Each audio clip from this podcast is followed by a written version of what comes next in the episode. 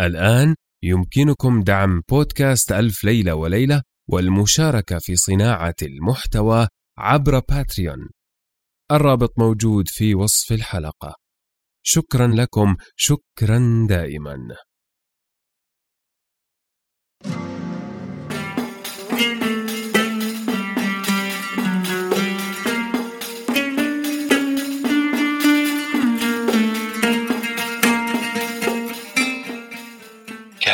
مكان في قديم الزمان وسالف العصر والأوان ملك يدعى شهريار يحب الاستماع إلى قصص الإنس والجان. وكانت جاريته شهرزاد تقص عليه في كل ليلة قصة. هذا بودكاست ألف ليلة وليلة الموسم الثاني. هذه قصص ألف ليلة وليلة.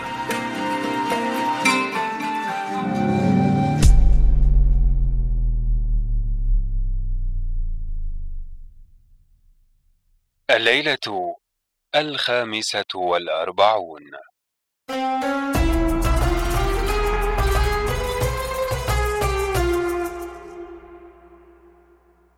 حكاية الملك عمر النعمان. مع ولديه شركان وضوء المكان.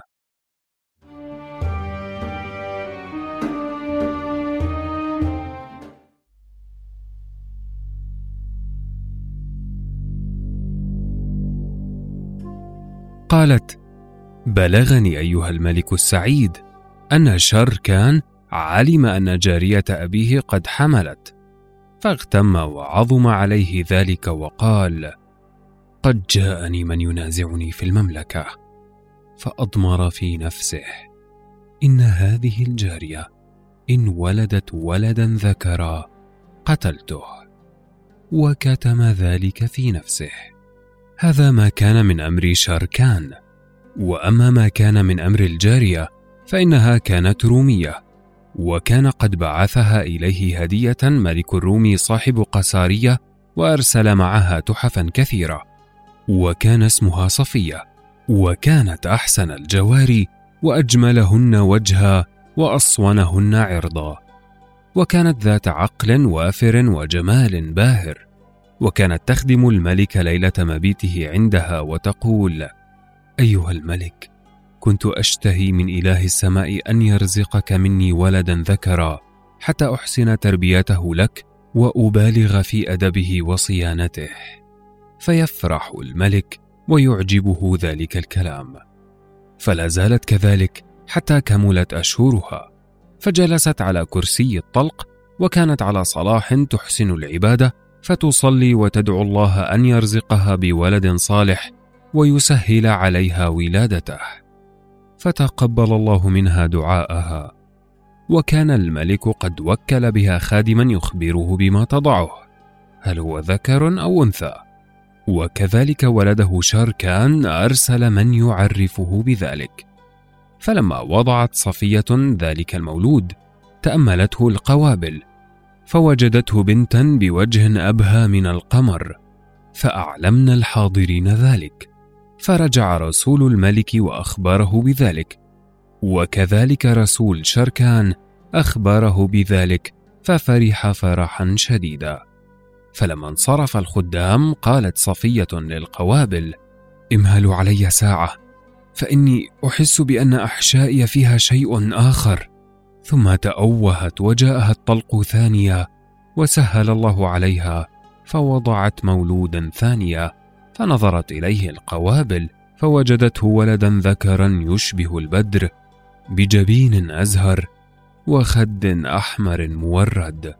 ففرحت به الجارية والخدم والحشم وكل من حضر ورمت صفية الخلاص وقد أطلقوا الزغاريت في القصر فسمع بقية الجواري بذلك فحسدتها. وبلغ عمر النعمان الخبر ففرح واستبشر وقام ودخل عليها وقبل رأسها ونظر إلى المولود ثم انحنى إليه وقبله. وضربت الجواري بالدفوف ولعبت بالآلات. وأمر الملك أن يسموا المولود ضوء المكان وأخته نزهة الزمان. فامتثلوا أمره وأجابوا بالسمع والطاعة. وأفرد لهم الملك من يخدمهم من المراضع والخدام والحشم والدايات ورتب لهم الرواتب من السكر والأشربة والأدهان وغير ذلك مما يكل عن وصفه اللسان. وسمعت أهل دمشق بما رزق الله الملك من الأولاد فزينت المدينة وأظهرت الفرح والسرور وأقبلت الأمراء والوزراء وأرباب الدولة وهنوا الملك عمر النعمان بولده ضوء المكان وبنته نزهة الزمان. فشكرهم الملك على ذلك وخلع عليهم وزاد في إكرامهم من الأنعام. وأحسن إلى الحاضرين من الخاص والعام. وما زال على تلك الحالة إلى أن مضى أربعة أعوام. وهو بعد كل قليل من الأيام يسأل عن صفية وأولادها. وبعد الأربعة أعوام أمر أن ينقل إليها من المصاغ والحلى والحلل والأموال شيء كثير وأوصاها بتربيتهما وحسن أدبهما. كل هذا وابن الملك شركان لا يعلم أن والده عمر النعمان رزق ولدا ذكرا ولم يعلم أنه رزق سوى نزهة الزمان. واخفوا عليه خبر ضوء المكان إلى أن مضت أيام وأعوام وهو مشغول بمقارعة الشجعان ومبارزة الفرسان. فبينما عمر النعمان جالس يوما من الأيام إذ دخلت عليه الحجاب وقبلوا الأرض بين يديه وقالوا أيها الملك قد وصلت إلينا رسل من ملك الروم صاحب القسطنطينية العظمى وإنهم يريدون الدخول عليك والتمثل بين يديك. فإذا أذن لهم الملك بذلك ندخلهم وإلا فلا مرد لأمره. فعند ذلك أذن لهم بالدخول. فلما دخلوا عليه مال إليهم وأقبل عليهم وسألهم عن حالهم وما سبب إقبالهم. فقبلوا الأرض بين يديه وقالوا أيها الملك الجليل صاحب الباع الطويل اعلم أن الذي أرسلنا إليك الملك أفريدون صاحب البلاد اليونانية والعساكر النصرانية المقيم بمملكة القسطنطينية يعلمك أنه اليوم في حرب شديد مع جبار عنيد وهو صاحب قسارية. والسبب في ذلك أن بعض ملوك العرب اتفق أنه وجد في بعض الفتوحات كنز من قديم الزمان من عهد إسكندر. فنقلا منه اموالا لا تحصى. ومن جملة ما وجد فيه ثلاث خرزات مدورات على قدر بيض النعام. وتلك الخرزات من أغلى الجوهر الأبيض الخالص الذي لا يوجد له نظير وكل خرزة منقوش عليها بالقلم اليوناني أمور من الأسرار ولهن منافع وخواص كثيرة. ومن خواصهن أن كل مولود علقت عليه خرزة منهن لم يصبه ألم ما دامت الخرزة معلقة عليه ولا يحم ولا يسخن. فلما وضع يديه عليها ووقع بها وعرف ما فيها من الأسرار أرسل إلى الملك أفريدون هدايا من التحف والمال ومن جملتها الثلاث خرزات وجهز مركبين. واحد فيها مال والأخرى فيها رجال تحفظ تلك الهدايا ممن يتعرض لها في البحر.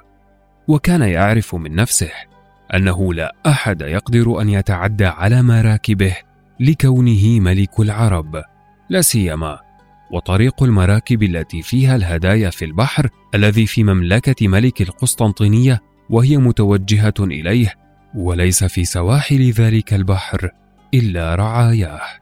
فلما جهز المركبين سافرا إلى أن قربا من بلادنا فخرج عليهما بعض قطاع الطرق من تلك الأرض وفيهم عساكر من عند صاحب قسارية فأخذوا جميع ما في المركبين من التحف والمال والذخائر والثلاث خرزات وقتلوا الرجال. فبلغ ذلك ملكنا فأرسل إليهم عسكرا فهزموه. فأرسل لهم عسكرا أقوى من الأول فهزموه أيضا. فعند ذلك اغتاظ الملك وأقسم أنه لا يخرج إليهم إلا بنفسه في جميع عسكره وأنه لا يرجع عنهم حتى يخرب قساريه. ويترك أرضها وجميع البلاد التي يحكم عليها ملكها خرابا.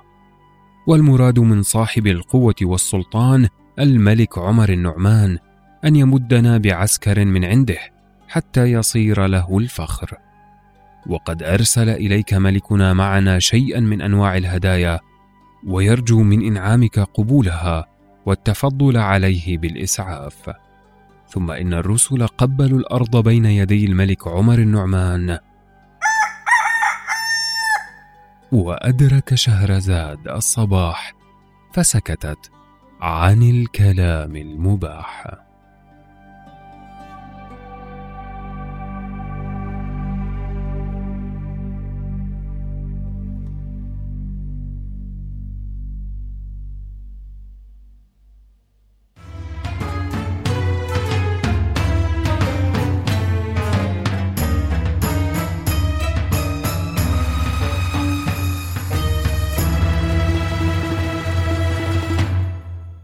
أنا نزار الحمود معكم في قراءة الليالي.